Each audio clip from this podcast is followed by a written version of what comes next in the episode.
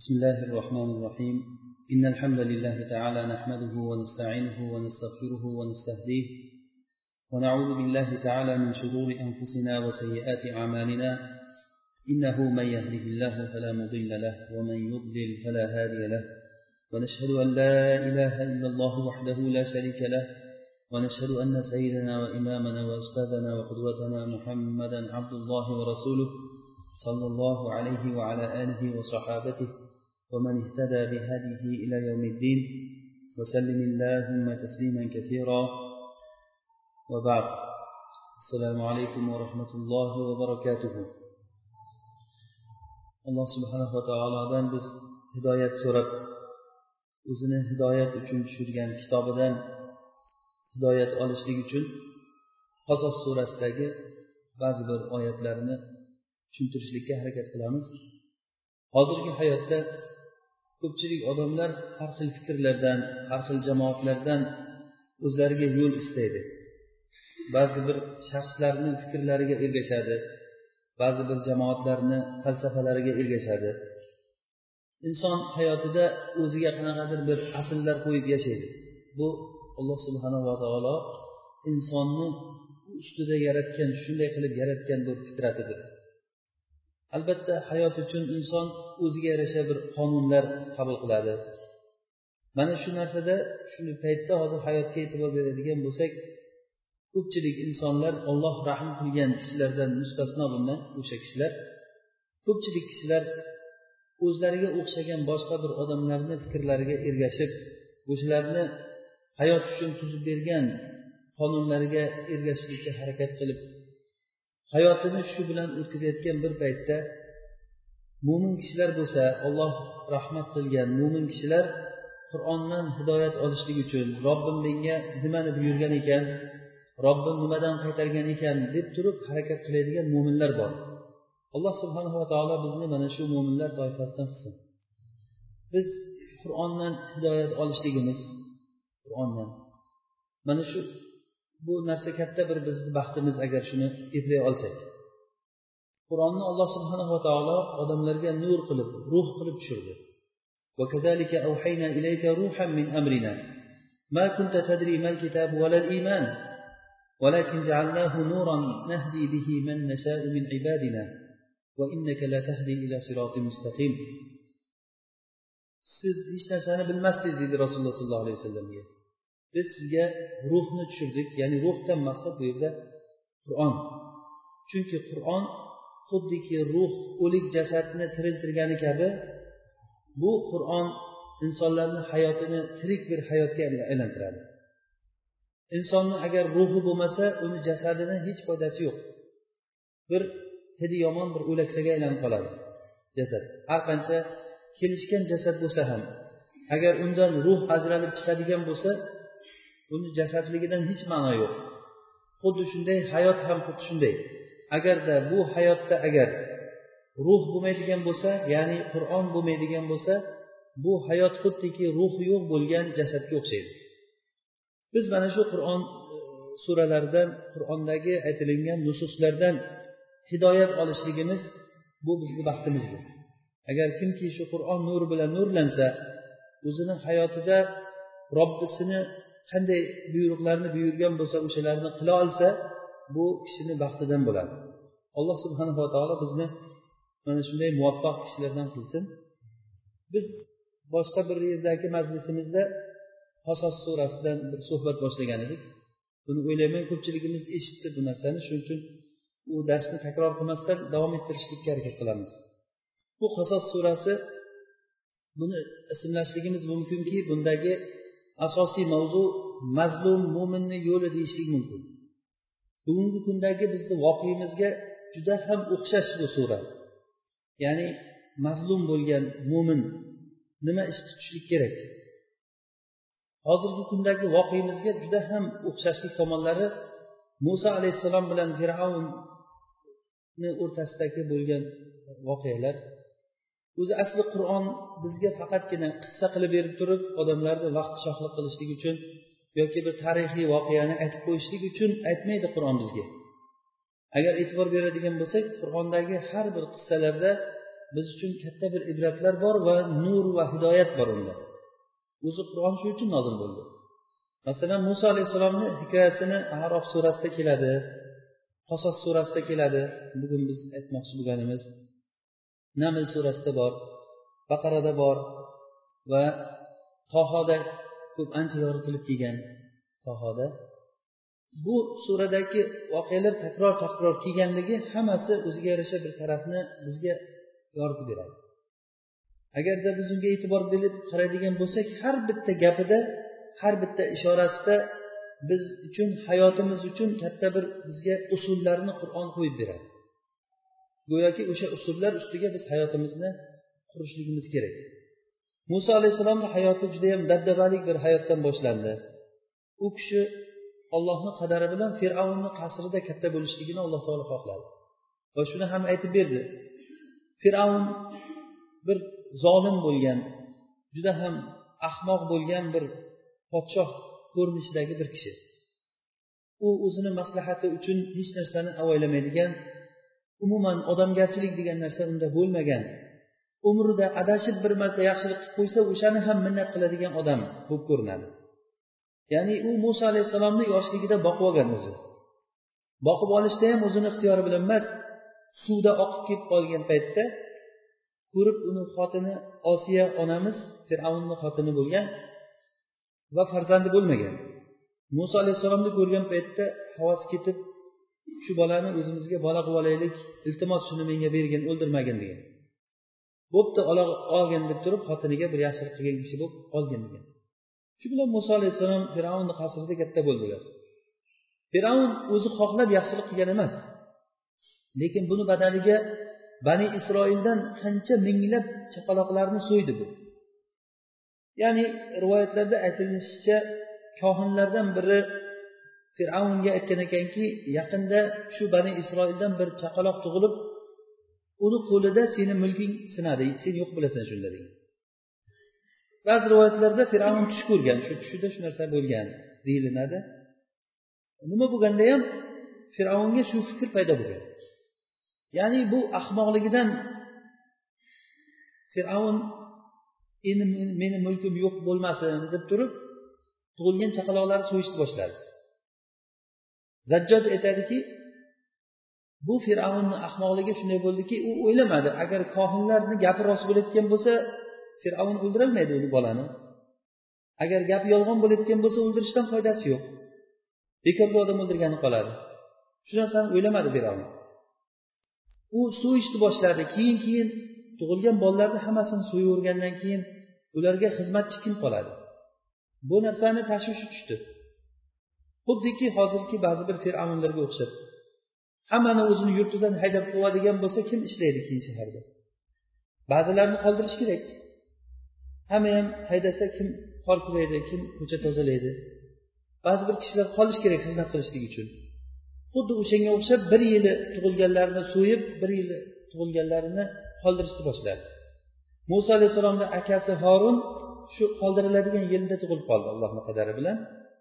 Va o'ldiriladigan yilda muso alayhissalom tug'ildi. Bu haqda isroiliyatlarda ko'p xabarlar kelgan bizni hozir bu narsa qiziqtirmaydi. Muhim muso alayhissalom fir'avnni qasrida katta bo'ldilar. Keyin u kishi adashib bir qibtiyni bir urib o'ldirib qo'yganlaridan keyin keyin fir'avn u kishini taqib ostiga oldi olib kelib o'ldirmoqchi bo'lib u kishini orqasidan odam jo'natgan paytda bir solih kishi kelib turib ogohlantirdiki seni fir'avn istayapti tez qochib chiqqin mana shu joydan boshlab bizga ibratlik bir voqea boshlanadi. Ya'ni zolim bir podshohni nohaq bo'lgan hukmidan qochib mazlum bo'lgan holatda muso alayhissalom misrdan madiyan yeriga qarab chiqdilar. Va shu chiqqan paytlarida u kishini birinchi aytgan gaplari alloh taolo shuni keltiradi qur'onda. Biz uchun kerakli joyi o'zi shu.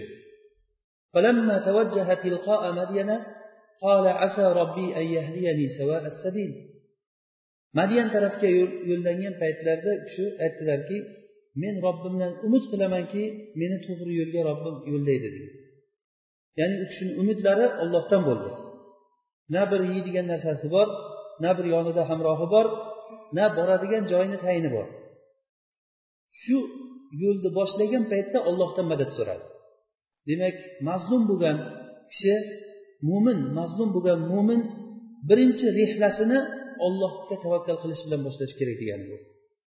Ya'ni yo'lni olloh ko'rsatadi. Siz qayerga borasiz? Kimlar bilan uchrashasiz? Kim sizga yordam beradi? U yerda bir sizni qarindoshlaringiz bo'lmasa kutib oladigan odamingiz bo'lmasa lekin alloh subhanava taologa tavakkal qilib u kishi chiqdilar e, qirq besh kun yoki ellik kunlik yo'l edi madyan misrdan. Mana shuncha masofani bosib o'tdilar. Ya'ni qanday bosib o'tdilar? U yo'lda u kishi o't o'lanlar yegan daraxtlarni tomirlarini yegan. Bu narsalar muhim emas. Shuning uchun qur'onda bu narsalar aytilgan emas. Nimani yeganligi kechqurun qayerda uxlaganligi bu muhim emas. Muhim joyi u kishi madiyanga yetib borgan paytlarida ولما ورد ماء مدين وجد عليه أمة من الناس يسقون ووجد من دونهم امرأتين تذودان قال ما خطبكما قالتا لا نسقي حتى يصدر الرعاء وأبونا شيخ كبير u kishi madyanni suvga borgan paytda birinchi charchab bordilar shu borgan paytda bir qavm qo'ylarni sug'orayotgan holatda ustidan chiqdilar Va shu yerda ikkita ayol kishi qo'ylarini haydab haligi jamoatga qo'ylarini qo'shmasdan o'zlari alohida bir e, chekkada turganligini ko'rib nimaga sizlar bu yerda turibsizlar? deb so'raganlarida aytdilarki biz erkaklarni ichiga aralashib sug'orolmaymiz qo'ylarimizni. Cho'ponlar avval qo'ylarni sug'orib bu joydan chiqib ketmaguncha biz kutib turamiz dedi. Shunda muso alayhissalom ularga qo'ylarni sug'orib berdilar. Mana mazlum kishi ishini birinchi ishini birovga yaxshilik qilishlik bilan boshladilar. U kishi bu madyan yerida ajnabiy odam edi. Begona kishi edi. Lekin men begonaman menga nima?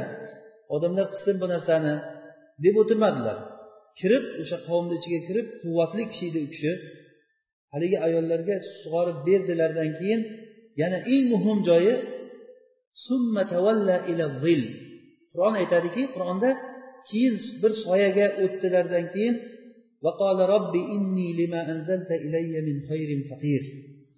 ey robbim sen menga nozil qiladigan menga tushiradigan yaxshiligingga muhtojman dedi.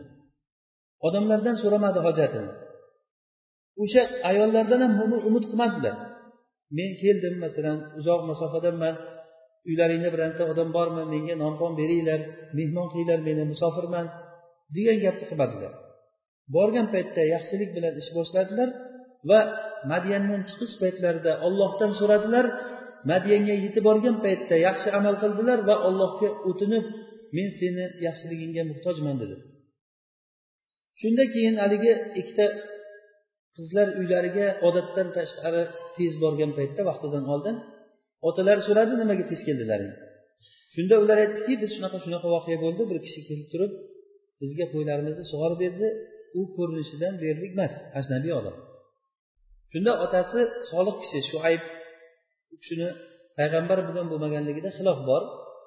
Ya'ni rojihda u kishi payg'ambar emas deyiladi. Shuayb alayhissalom e, qur'onda kelgan shuayb payg'ambar emas u kishi. O'sha payg'ambarlarni ummatlaridan bo'lgan kishilar oldingi payg'ambarlarni ismi bilan ismlanishlik bor edi hozirga o'xshab. Ya'ni o'sha kishi ismlari shuayb bo'lgan. Solih kishi bo'lgan. Keyin u kishini aytib keldilar bitta qizini yubordi. Kichik qizini yuborgan deyilgan tafsirlarda. Qizi juda ham hayo bilan borib turib otam seni bizga qilgan yaxshiliging uchun mukofotlash uchun seni chaqiryapti dedi. U kishi keldi va kelgan paytda ham nihoyatda odob bilan haligi qiz bolaga aytgan ekanki sen meni orqamdan yurgin oldimdan yurma. Yo'lni ko'rsatib ketaverasan. Agar adashsam bir ishora qilsang men burilaman degan. Ya'ni orqada turib qiz bolani orqasiga qo'yib o'zi oldindan turib yurib ketgan. Mana bu narsa haqiqiy mo'min kishini odobi mana shunday bo'ladi ajnabiy ayollarga nisbatan. U kishiga o'zi payg'ambarlik vahiy qilingan emas edi. Lekin payg'ambarlar mana shunday yoshliklaridan o'zi bir katta bir ibratda bo'ladilar. Keyin haligi kishi bilan suhbatlashgandan keyin u kishiga bo'lgan voqealarni aytib bergandan keyin bu kishi aytdilarki sen qo'rqmagin zolim qavmdan najot topding dedi.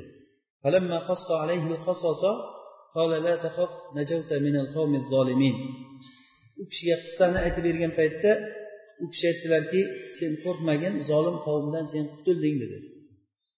Xuddi shunday solih kishilar o'zlariga muhojir bo'lib kelgan kishilarni ko'nglini xotirjam qilishligi bu yerda kelyapti. Nimaga aynan u kishilarni suhbatida mana shu joyni qur'on bizga qissa qilib beryapti? Unga qissa qilib bergan paytda fir'avnni holati boshqa holatlar boshqa holatlarni aytmayaptida bu yerda hozir. Aynan u kishini mana shu so'zi kelyaptiki la tahof sen qo'rqmagin zolim qavmdan qutulding degan joyini aytyapti. Mana shu joyi katta bir bizga hidoyat va ko'rsatmaki xotirjam bo'lib turib bir joyda yashab turgan kishilar agar unga bir solih kishilar unga muhojir bo'lib keladigan bo'lsa unga yordam qilishligi va unga qalbini xotirjam qilishligiga hidoyat bu narsa.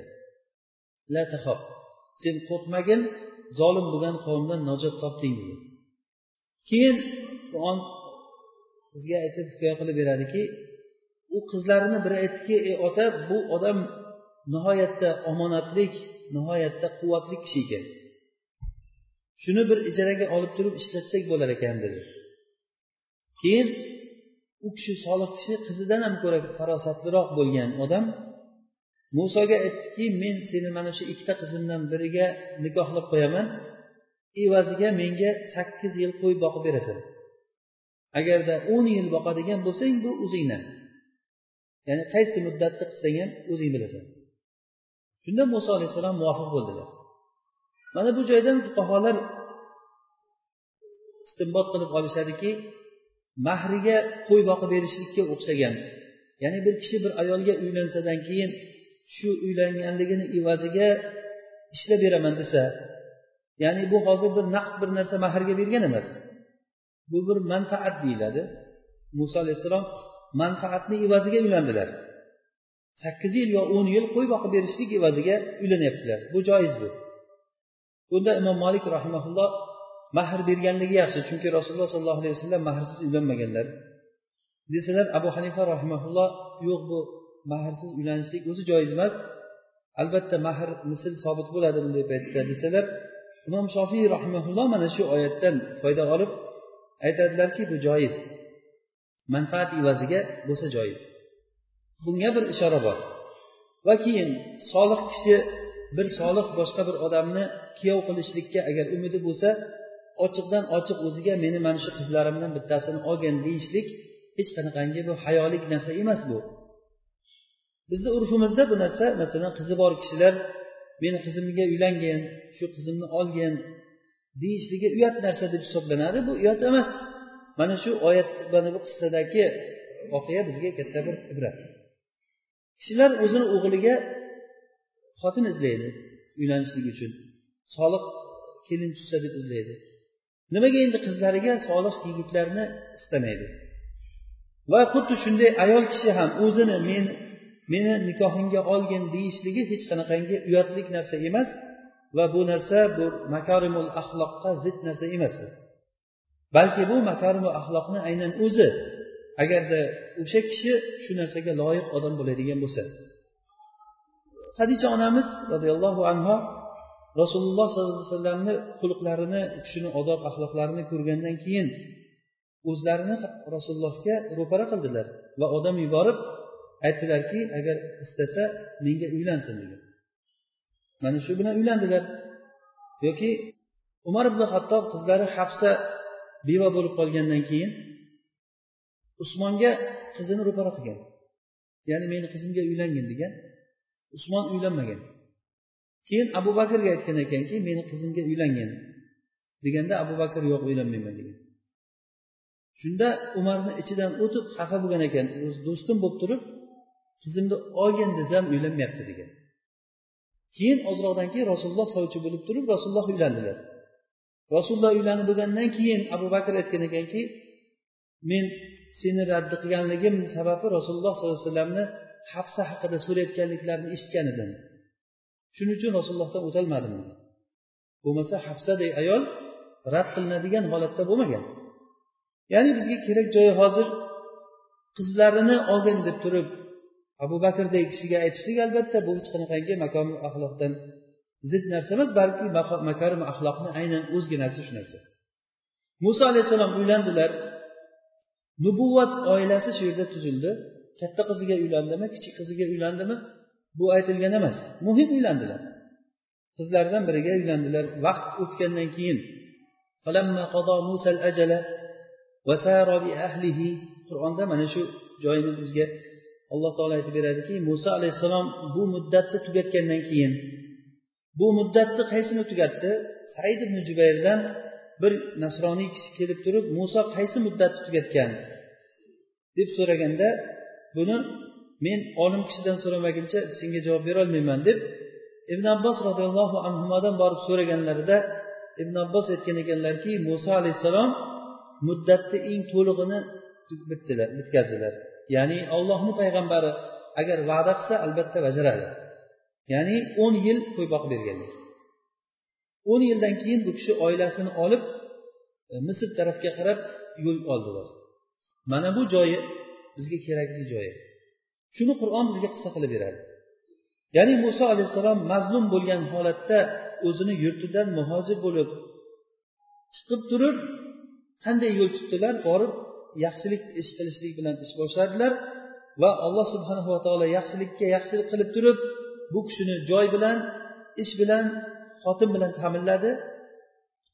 Butun hayoti yaxshi bo'lib turib o'sha yerda solih kishini uyida yashadilar va vaqt o'tgandan keyin u kishini oilasi ahllari bor onalari bor qavmi qarindoshlari bor u kishini.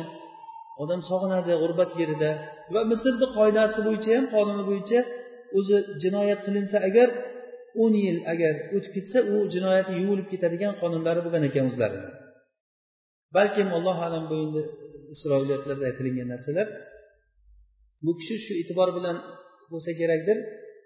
Ollohni qadari bilan o'zi asosan ollohni qadari bilan madyandan misrga qarab yo'lga chiqdilar shu yo'lga kelishlik paytlarida kechqurun ular sovuq kechasida yo'lni yo'qotdilar ya'ni adashdilar keyin bir yerga to'r tog'iga borgan paytda muso alayhissalom bir joydan olov yonganligini ko'rdi فلما قضى موسى الأجل وسار بأهله آنس من جانب الطور الأيمن يعني muso alayhissalom vaqtini tugatib u kishi misr tarafga qarab yurgan paytlarida muborak yer ya'ni turi sayno tog'iga borgan paytlarida shunda o'ng tomondagi vodiydan daraxt tomonidan nido qilindi undan oldin muso alayhissalom uzoqdan bir olovni ko'rdilar. Olovni ko'rdilar men ikkinchi oyatga o'tib ketdim. Olovni ko'rib turib u kishi oilasiga aytdiki sizlar shu yerda to'xtab turinglar men boray o'sha olovga borib turib sizlarga yo isinishlik uchun olov olib kelaman yoki olovga borib turib yo'l topib olarman o'sha yerdan toho surasida ajidu nari huda deb kelgan yoki o'sha olov oldiga borgandan keyin shu yerdan bir yo'l topib olarman demak muso alayhissalom bundan chiqadiki adashgan yo'ldan keyin muso alayhissalom o'sha olovni oldiga kelgan paytda kelgan paytda muso alayhissalomga vodiydan muqaddas tuvo vodiysidan u kishiga alloh taolo nido qildi. Innani anallohu robbil alamin deb. Men robbil alaminman deb nido qildi alloh taolo. Va naml surasida innani anallohul azizul hakim deb nido qilgan. Ya'ni bir oyatda alloh taolo robbil alamin deb tanishtirdi deb aytilyapti boshqa bir oyatda azizul hakim deb tanishtirdi deb aytyapti biz uchun eng muhim narsa shuki birinchi inson robbisini tanigan paytda robbisini sifatlari orqali tanishligi.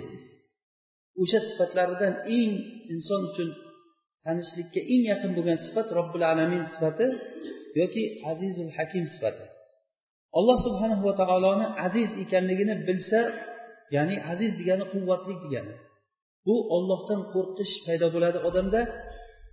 Va ollohdan boshqadan qo'rqmaslik paydo bo'ladi. Hakim sifatini bilishlikdan ollohni buyruqlari xoh shar'iy buyruq bo'lsin xoh kavniy buyruq bo'lsin inson unga taslim bo'lishligi kelib chiqadi. Alloh taoloni buyruqlarini hech qachon inson mo'minman degan kishi oyoq osti qilib o'tib ketishligi bu insonni yo johilligi yo zolimligi. Ollohni yo hududlarini umuman bilmaydigan johil odam bo'lsa ollohni buyrug'ini bajarmaydi. Yo zolim odam bo'lsa bilib turib ham ollohni buyrug'ini bajarmaydi. Chunki u ollohni hakim ekanligini bilmaydi. Odamlarni hozirgi kunda qiladigan ishlariga qarasangiz ollohni hikmatiga tuhmat qiladigan odamlarga o'xshaydi. Va o'xshaydi emas balki ochiqdan ochiq ham aytadi ollohni hukmi hozirgi kunga bo'lmaydi deb aytadi. Demak alloh taolo hakim emas degani bu. Hasha va kalla.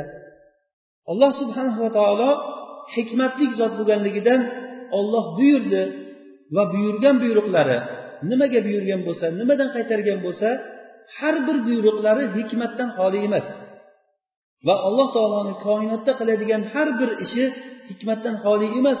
Xohlagan kishisini o'ldiradi xohlagan kishisini dunyoga keltiradi xohlagan kishisiga o'g'il farzand beradi xohlagan kishisiga qiz farzand beradi xohlagan kishisiga o'g'il qizlarni juft qilib beradi. Xohlagan kishisini bepish qilib qo'yadi. Alloh taolo alimun qodir bo'lgan zot. Alloh taolo muso alayhissalomga birinchi o'zini tanishtirgan paytda ey muso men olamlar robbisi bo'lgan olloh bo'laman dedi. Mana bu narsa mazlum bo'lgan mo'min kishi ya'ni yo'lini yo'qotgan mo'min odam birinchi boshlayotgan ishi robbisini tanish bilan ish boshlanadi. Alloh taolo muso alayhissalomni o'zi tanlab olgan kishi edi. U kishi xuddi bizga o'xshab boshqa bir oddiy odamlarga o'xshab tirikchilik qildilar qo'y boqdilar. Uylandilar. Juda ham hayotlari bir sof sidiq bilan bo'lgan kishi edilar. Hech narsani bilmaydigan odam edi.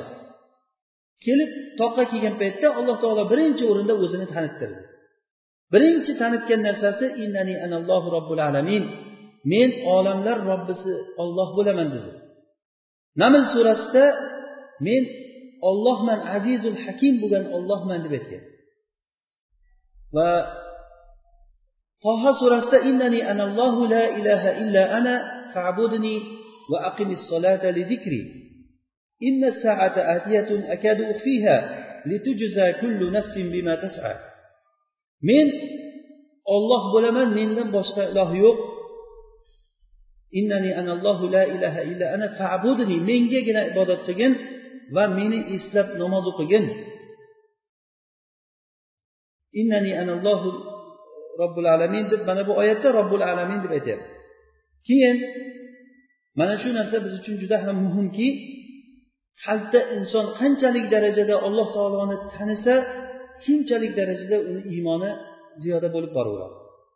Biz uchun eng muhim narsa robbimizni tanishlik bo'ladi. Qaysiki bir jaholatlar qaysiki bir zulm ishlar hamma noto'g'ri ishlar sababi shu jaholat ollohni tanimaslikdan bo'ladi.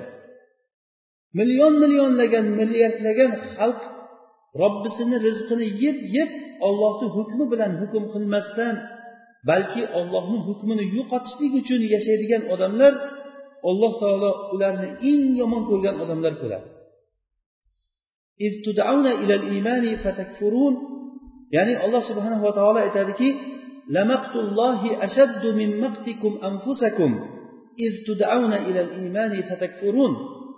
sizlar olloh subhanahu va taolo sizlarni hozir yomon ko'rishligi jahannamda kofirlar azobda kuygan paytda o'zini o'zi yomon ko'rar ekan odam. Nima uchun men amal qilmadim? Nima uchun fursatni men o'tkazib qo'ydim? Deb turib pushaymon chekkan paytda odam o'zini o'zi yomon ko'rishligidan ko'ra hozir alloh subhanava taolo u odamlarni qattiqroq yomon ko'radi. Ularni iymonga chaqirgan paytda ular kofir bo'lgan paytlarida. Ollohni hukmi bilan hukm qilinglar degan paytda yo'q biz bu hukm bilan hukm qilmaymiz degan paytlarida. Bu olloh asrasin eng yomon gunoh hisoblanadigan narsa. Ya'ni bunda inson qalbi bilan va tili bilan eng munkar bo'lgan gaplarni gapirishligi shundan kelib chiqar ekan. Ollohni hukmlariga rozi bo'lmagan kishi go'yoki alloh taoloni jaholatda ayblagan bo'ladi. Go'yoki alloh subhanahu va taolo faqat rizq beradiyu alloh taolo bizni yaratgan buni tan oladi rizq berishligini tan oladida lekin hukm qilishga kelganda yo'q ollohni hukmi qilmaymiz deydi. Bu aqllan olganda aqlli odamlarga olganda ham bu narsa to'g'ri kelmaydigan narsaku bu. Keyin alloh subhanava taolo ey muso bu qo'lingdagi narsa bu nima? deb so'radi. Muso alayhissalom aytdilarki hiya asoya atavakkau alayha va ahushu biha ala g'anami va fihi ma'aribu ukhra. Bu meni hassam bu asoyim. Men unga suyanaman. Suyanib yuraman yurganimda va qo'ylarimga daraxtni barglarini qoqib beraman va boshqa ishlari ham bor bu kaltakni menga dedi. Boshqa ishlari ham bor. Ya'ni hozir muso alayhissalomdan alloh taolo bu nima qo'lingdagi deb so'raganda o'zi javob nima bo'lishi kerak edi bu kaltagim deyish kerak edi bo'ldi boshqa narsani so'ragan emas. Keyin nima qilasan bu kaltak? Nima kerak senga? desa keyin aytish kerak u gaplarni. Lekin muso alayhissalom so'ralinmagan narsani gapirib ketdilar. Nima uchun? Chunki olloh robbul alamindan eshitilingan so'z shunaqangi lazzatliki muso alayhissalom bu suhbatni davom etishligini xohladi. Ya'ni yana gapini qarang muso alayhissalomni bu meni kaltagim bunga suyanaman qo'ylarimga barg urib beraman va boshqa ishlari ham bor buni deb gapni yana uchini tugmasdan qo'yyaptiki nima ishlar bor buni? deb so'rasin deb. Meni boshqa bir maqsadlarim ham bor. Lekin alloh subhanava taoloni maqsadi boshqa edi bu yerda.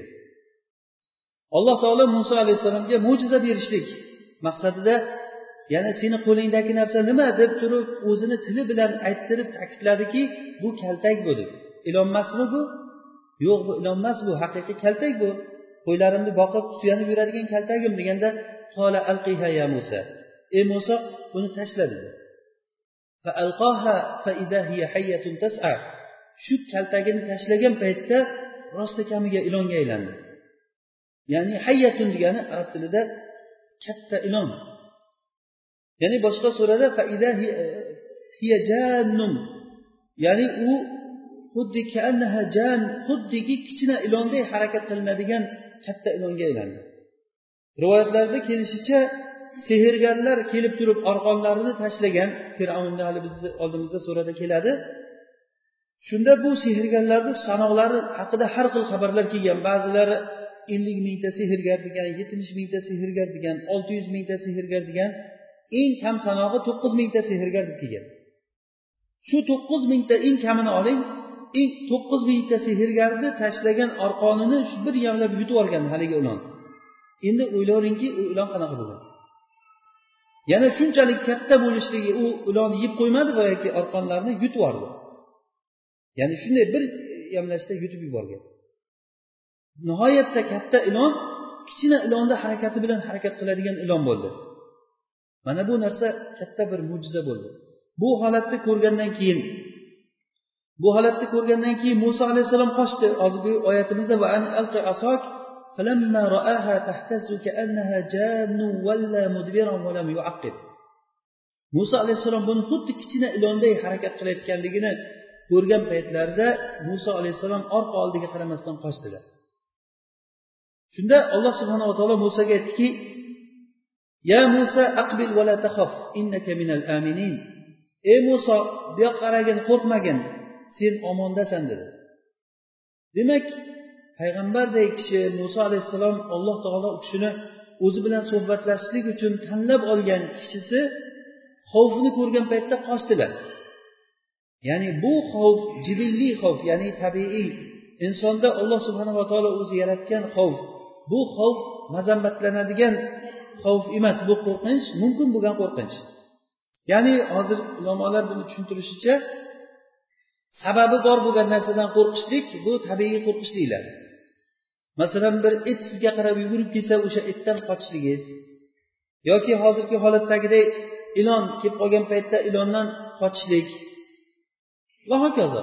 Ya'ni ko'rinib turgan yomonlikdan sababi bor bo'lib turgan yomonlikdan qochishlik bu shirk bo'lgan qo'rqinch emas. Ammo shirk bo'ladigan qo'rqinch sababi yo'q bo'lgan narsadan qo'rqishlik. Masalan bir sonamdan bir butdan shu menga bir ziyon bermasin og'zimni qiyshaytirib qo'ymasin deb pirlardan qo'rqsa ya'ni pirlardan yaxshilik umid qilinishligi bilan birgalikda yomonligidan ham qo'rqilinadi ular bizga baraka keltirsin deydigan odamlar og'zimni qiyshaytirib qo'ymasin deb ham qo'rqib turadi. Mana shunaqangi qo'rqinchlar shirk qo'rqinch bo'ladi.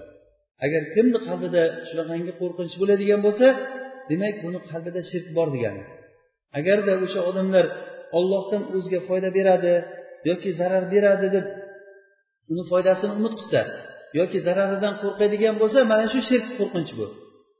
Ammo muso alayhissalomni hozirgi qo'rqqan qo'rqinchlari bu sababi bor bo'lgan narsadan qo'rqinch. Masalan qorong'u bo'lib qolgan paytda odam qo'rqadi. Qalbida bir qo'rqinch keladi. Ya'ni bir nimadan qo'rqadi? Odam qorong'uda bir narsa menga kelib yopishmasin qarmashmasin bir zarar keltirmasin deb o'sha sababidan qo'rqishlik mana bu sabablik narsadan qo'rqishlik bu shirk emas bu tabiiy qo'rqinch bu.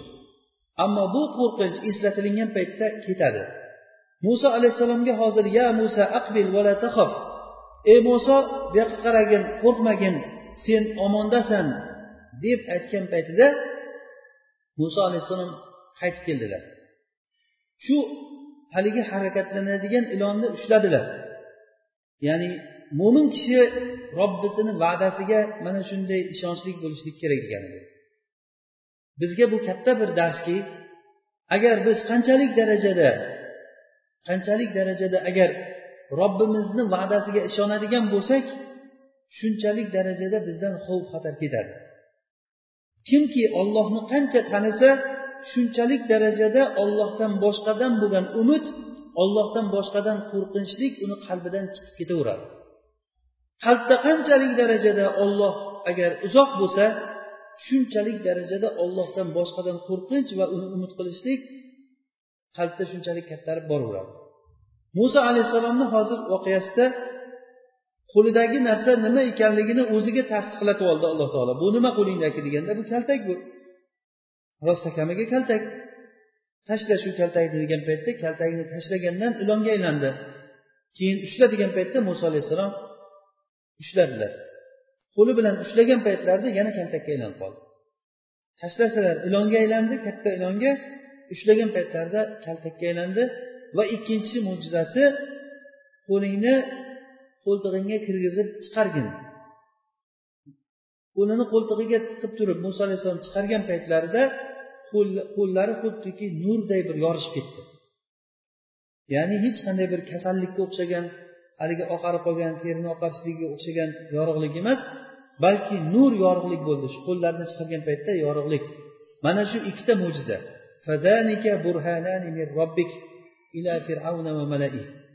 Mana bu narsa ikkita hujjat. Biri ilon ya'ni hassolarini ilonga aylanganligi va ikkinchisi qo'llarini nurli bo'lib qolishligi.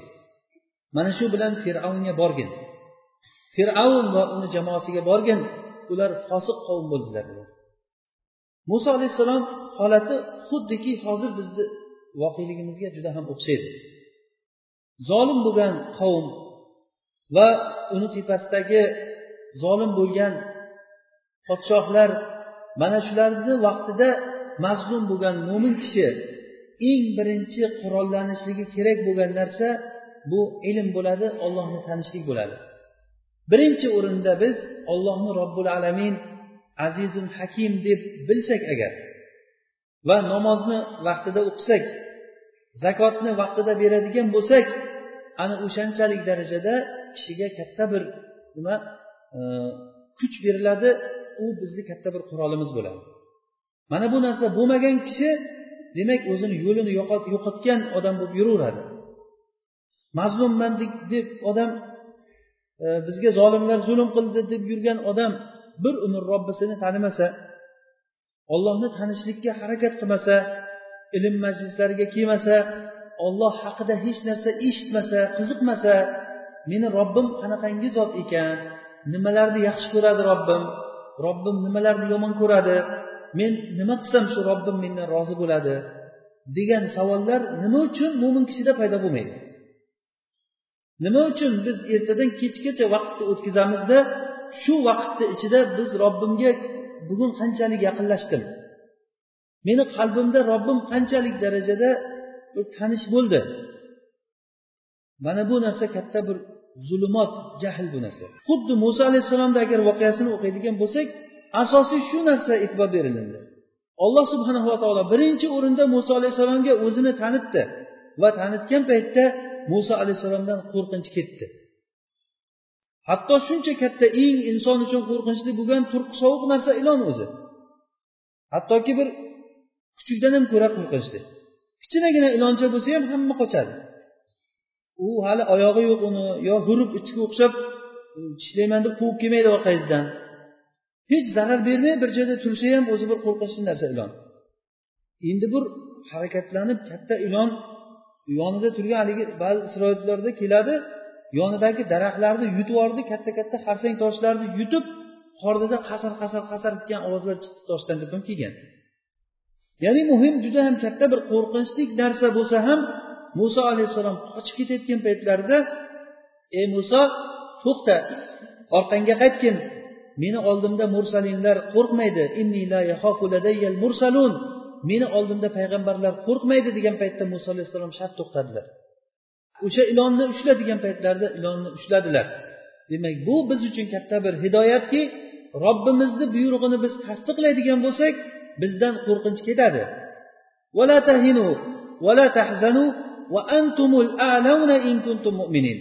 Sizlar zaif bo'lmanglar sizlar xafa bo'lmanglar. Agarda mo'min bo'ladigan bo'lsanglar albatta sizlar oliy bo'lasizlar deb olloh xabar beryapti.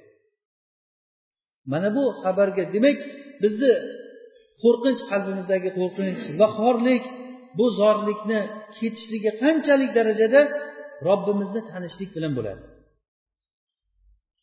أسلك يدك في جيبك تخرج بيضاء من غير سوء واضمم إليك جناحك من الرهب فذلك برهانان من ربك إلى فرعون وملئه إنهم كانوا قوما فاسقين muso alayhissalom keyin aytdilarki قال رب إني قتلت منهم نفسا فأخاف أن يقتلون وأخي هارون هو أفصح مني لسانا فأرسله معي يريد أن يصدقني إني أخاف أن يكذبون muso alayhissalom aytdiki ey robbim men ularda bir qibitiyni o'ldirib qo'yganman ya'ni muso alayhissalom bir qibitiyni o'zi asli misrdan chiqib ketishlik sabablari ham shu bo'lgan edi Bir isroiliy bilan bir qibitiy urushib turgan holatlarida muso alayhissalom isroiliyga yordam berishlik uchun borganda haligi qibitiy muso alayhissalomga tarmashadi.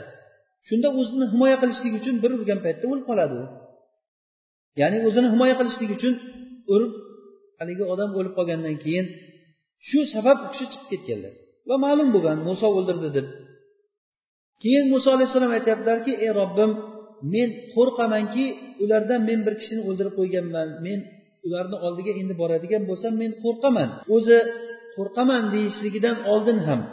Hozir alloh subhanava taolo sen fir'avn va uni qavmiga borgin. Ular fosiq qavm bo'ldi deb aytishligidan oldin muso alayhissalom qayoqqa ketayotgandilar qayerga ketyapti misrga ketmayotgandilarmi misrga qaytib ketayotgandilar nimaga endi olloh subhanahu va taolo misrga borgin fir'avn va uni qavmiga borib turib ogohlantiruvchi payg'ambar bo'lding desa men qo'rqaman deyapti muso alayhissalom. Muso alayhissalomni bu qo'rqishliklari o'zini joniga qo'rqish emas bu da'vatga qo'rqish. Agarda meni ular o'ldiradigan bo'lsa risolatni nima qilaman men degani. Va yana buni ustiga u kishini tillarida tillarida soqovlik bo'lgan ekan. Yoshlik paytlarida o'sha fir'avnni soqolidan ushlab bir tortgan u kishi. Fir'avnni soqolidan tortganda fir'avn bundan shu isroiliylarni hidi keladi deb pichoq olib kelinglar deb jallodni chaqirgan ekan. Shunda osiya onamiz aytgan ekanlarki bu bola hech bilmaydi foyda ziyonni mana oldiga cho'g' bilan e, boshqa bir narsani olib kelsang agar cho'g'ni oladi deganda bo'lmasa bir xurmo bilan cho'g'ni olib kelinglar deb olib keltirgan paytda qo'lini jibril o'sha cho'qqa olib borgan ekan. Cho'g'ni ushlab og'ziga tiqqan degan shu cho'g' bilan tillari chuchuk bo'lib qolgan. Muso alayhissalom aytyaptilarki tohada keladi meni tilimdan tilimdagi duduqlikni ochib yuborgin ular meni gapimni tushunsin. Ya'ni muso alayhissalom duo qilmayaptilarki ey robbim meni tilimni yaxshi burroq qilib qo'y deb duo qilmadilar. Ular meni so'zimni tushunadigan darajada deb duo qildilar. Ya'ni kerak narsani so'radilar.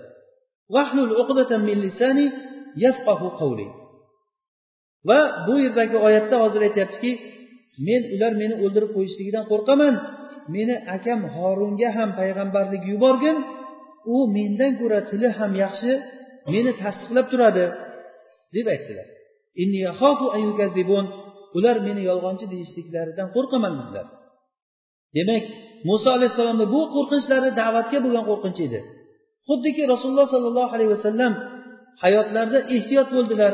Kofirlardan qo'rqqan holatda hijrat qilib kechqurun hijrat qilgan holatda savur tog'iga qarab chiqqanliklari va shu ketishda abu bakr roziyallohu anhu rasulullohni holatlariga qo'rqqanliklaridan bir rasulullohni orqasiga o'tib yurardilar orqadan bir kishi kelib qolmasin deb. Orqasiga o'tsa esiga tushib ketardi oldidan birov chiqib qolmasin deb yugurib oldiga o'tib olardilar. Yana oldidan yurib yurib esiga tushib ketardi orqadan birov kelmayapmikan deb rasulullohni yana orqasiga o'tib olardi. Ya'ni abu bakr roziyallohu anhuni bu qo'rqinchi nima uchun qo'rqinch bu? Bu da'vatga qo'rqinch. Rasulullohni hayoti degani bu da'vat degani.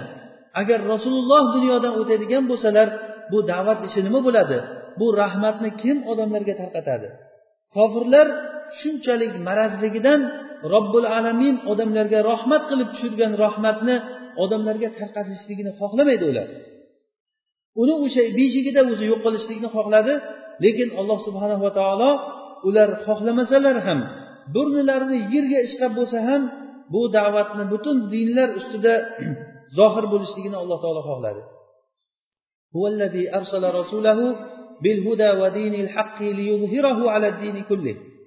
Alloh taolo o'zini din payg'ambarini yubordi. Hidoyat bilan haq bilan butun dinlar ustida zohir bo'lishligi uchun yubordi. Mana bu bizni dinimizni xususiyati bu. Demak muso alayhissalomni hozir qo'rqqanliklari da'vatga qo'rqdilar. Va yana nihoyat darajada bir e'tiborga loyiq joyi muso alayhissalom o'zini akasi horunga payg'ambarlik so'raganliklari. Mana bu haqiqiy xolis da'vatchini ya'ni xulqi mana shunday bo'lishligi kerak. Da'vatchi kishi uning muhim narsasi haq odamlarga yetishligi bo'lishligi kerak. O'zini qo'liga bo'ladimi boshqani qo'liga ko'ra bo'ladimi muhim odamlarga shu da'vat yetib borsin. Muso alayhissalom meni tilimni yaxshi qilib qo'ygin demadilarda meni tilimda aybim bor. Meni akam horunga payg'ambarlik jo'natgin. U u payg'ambar bo'lsin u yetkazsin men shunga yordam berib turay degan demak haqiqiy xolis olloh uchun da'vat qiluvchi odam mana shunday bo'lishligi kerak. Xolisligi yo'q bo'lgan kishi agarda bir minbarda boshqa bir kishini da'vat qilayotganligini ko'rsa o'zidan boshqa bir odamni gapirayotganligini ko'rsa bu achchig'i keladigan haligi yoqtirmaydigan xuluqli odamlar bor. Mana bu narsa olloh asrasin kishini ixlosi yo'qligidan bo'ladi. Haqiqiy muvaffaq kishi qanchalik darajada agar odamlarga haq yetib borishligini xohlasa hattoki bu boshqa odamni qo'liga ko'ra bo'lsa ham va hattoki bu haqni yetib borishligi molingizni yo'qolishligi va joningizni yo'qolishligi hisobiga bo'lsa ham shuni yoqtirsangiz mana shu narsa darajasida sizni tavfiqingiz bo'ladi. Alloh taolo kimga agar tavfiq bergan bo'lsa bu kishi mana shunday bo'lishligi kerak. Da'vatchi odamlar ollohni dinini odamlarga xalqqa yetkazaman degan odamlar uni faqat men yetkazishim kerak faqat men gapirishligim kerak faqat meni kitoblarim chiqishligi kerak boshqa odamni kitobi chiqmasin odamlarga degan yoki faqatgina shuni nomidan nima chiqsa ham og'zi qiyshiq bo'lsa ham boyni bolasi gapirsin degan qabilida bo'lmasligi kerak. Muso alayhissalomni qilgan ishlari hozir meni akamga payg'ambarlik yuborgin deb turib o'zini akasiga risolatni so'rab olyapti.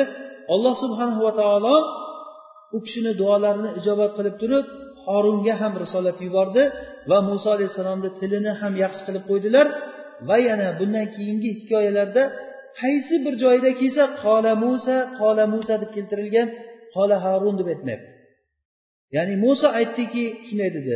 Muso aytdiki bunday dedi. Bani isroilga muso aytdi lekin horun ham bor yonida. Qayerda bo'lsa muso aytdi. Demak kishi agar o'zining birodariga bir yaxshilikni xohlasa bu odamga yaxshilik kamayib qolmaydi. Ko'paysa ko'payadi yaxshilik qolmaydi kamayib qolmaydi. Shuning uchun bu bob bu narsa biz uchun katta bir hidoyat bu.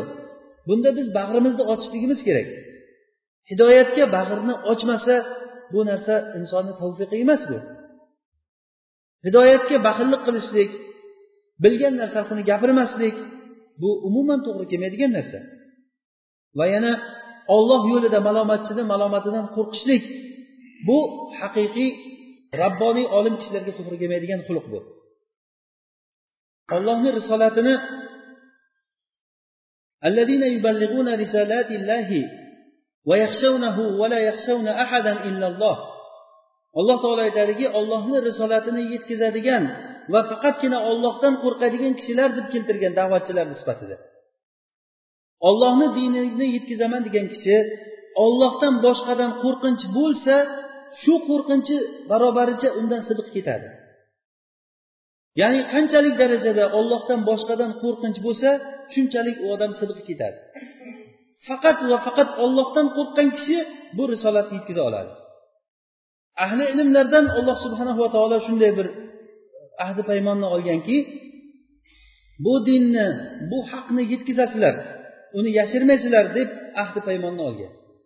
O'sha uchun ham olim kishi haqga sukut qilib o'tirishligi mumkin qachonki o'zidan boshqa bir olim haqni aytib turganligini ko'rsa agarda birorta bir olim haqni aytmaydigan bo'lsa unda olim kishiga harom bo'ladi sukut qilib o'tirishlik. Va olim kishiga o'sha paytda agar majburlansa ham agar molidan jonidan ajralsa ham haqni gapirishligi vojib bo'ladi. Haqni yashirgan kishilarni jazosini alloh subhanava taolo ularga la'nat bor. Ularni malaikalar la'natlaydi jamiki la'natlovchilar la'natlaydi deb aytgan. Tabu va aslahu va bayyanu. Demak olim kishilarni tavbasi boshqa odamlarni tavbasidek bo'lmaydi. Olim kishilarni tavbasi tabu tavba qilgandan keyin ish tugamaydi. Va aslahu va bayyanu.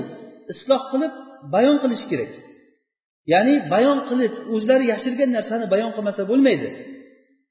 Ya'ni imom ahmad rahimaullohni davrlarida imom ahmad xalqul qur'on bilan fitnalandilar olimlar. Qur'onni maxluq deysan deb majburlandilar.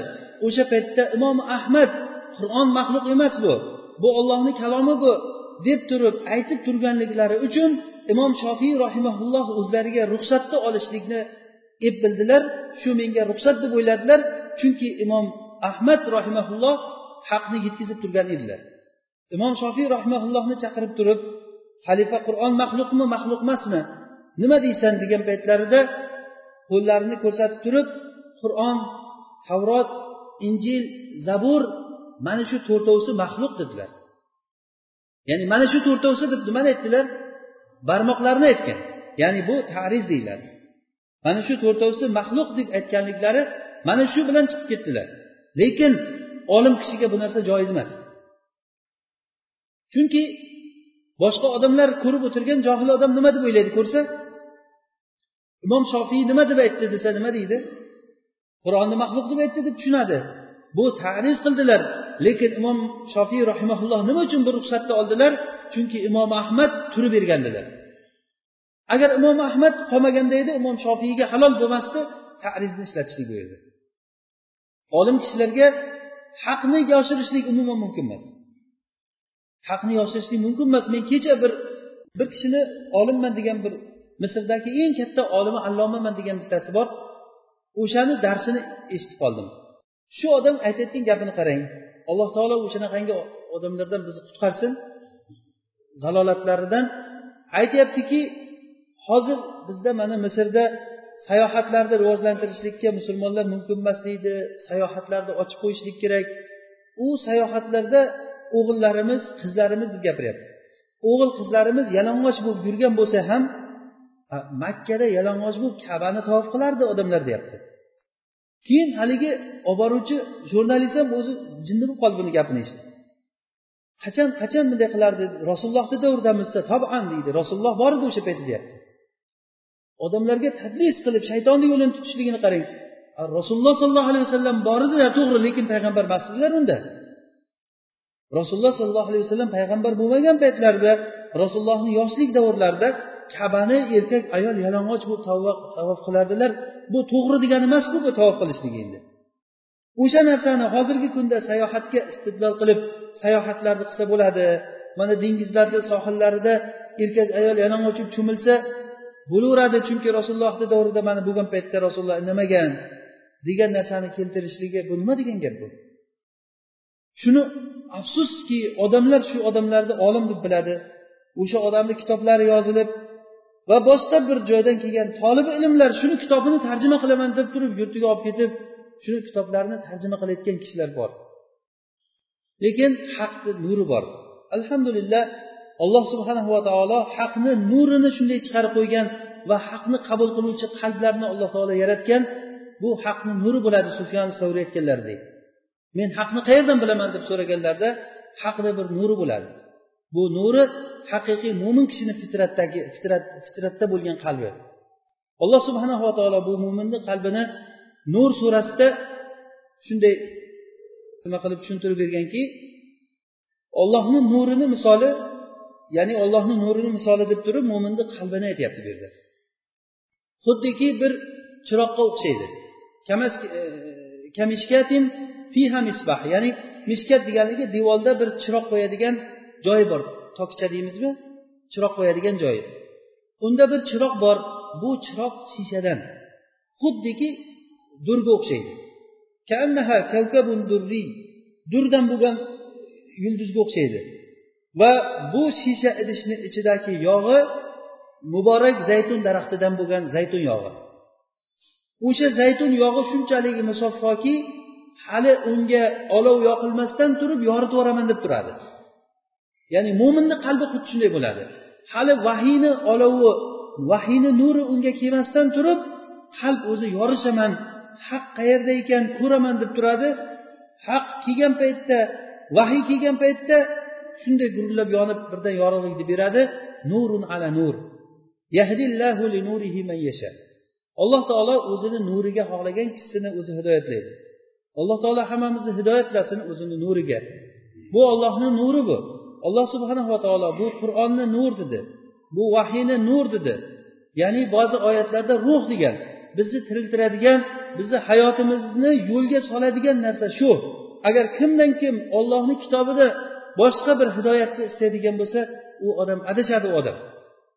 Alloh taolo mana hozirgi bir e, suralarda qarangki bizga shunday bir qissalarni aytib berishlik orasida qissalarni aytib berishlik orasida mo'min kishi qanday bo'lishligini ko'rsatyapti. Xavf xatar kelgan paytda nima qilishlik kerak? Hech bir yordamsiz qolgan paytda nima qilish kerak? Safarga chiqyaptilar hech narsasi yo'q. Orqadan quvib kelyapti odamlar. O'ldirmoqchi. Qochadigan joyi yo'q boradigan joyi tayin emas. Yonida yeydigan ovqati yo'q o'sha paytda nima dedilar? Asa robbi an yahdiyani sabil. Robbim meni to'g'ri yo'lga hidoyatlaydi deb umid qilaman. Robbisiga suyandi o'sha payt. Begona yurtga bordilar. Borgan joyda yaxshilik bilan ish boshladilar va o'sha joydan alloh taolodan o'zini faqirligini alloh taologa shikoyat qildi. Birorta bir eshikka borib turib qaysi uy boyroq ekan? deb odamlarni eshigiga borib turib non so'ramadilar. Va alloh taolo u kishiga halolidan berib turib aziz qilib qo'ydi. Mana bu hali payg'ambar emas bo'lgan paytlarida keyin vahiy kelgan paytda nima bilan boshlandi vahiy? Birinchi vahiy robbil alaminni tanishlik bilan boshlandi. Va buni orqasidan inshaalloh hali ajalimizda agar baqo bo'lsa biz endi hozirgi darsimizda hozirgacha kelgan joyimiz mazlum bo'lgan mo'minni yo'li edi. Mazlum bo'lgan mo'min o'ziga yetarlicha ma'rifatni olgandan keyin zolim bo'lgan tog'iy bo'lgan tog'utni oldida qanday yo'l tutadi? Muso alayhissalom fir'avnni oldiga boradilar. Fir'avn bilan bo'ladigan suhbat qanaqa bo'lgan? Uni makkorligi uni mafkuranisini qanday yo'lga qo'yib turib odamlarni aldab xalqni adashtirib o'zini yo'liga olib ketganligi va mana shu zolim podshoh bilan muso alayhissalom qanday muomala qilganliklari va uni qo'lidan qutqarib ketgan bani isroilday fosiq bo'lgan qavmni qanday qilib tarbiyalaganliklari inshaalloh bu surani davomida bizga keladi. Biz uchun bu narsalar juda ham muhim. Bizni hayot yo'limizni yorishtirib beradigan narsa. Yana bir oxirgi so'zimiz bani isroilni mana shunday fir'avnni iskanjasida qolib mazlum bo'lib qolishligini sababi ularni fosiq bo'lganligi edi. Buni biz yaxshilab yodlab olishimiz kerak bo'lgan gap. Qur'onda xuddi shu ma'noni alloh taolo aytadiki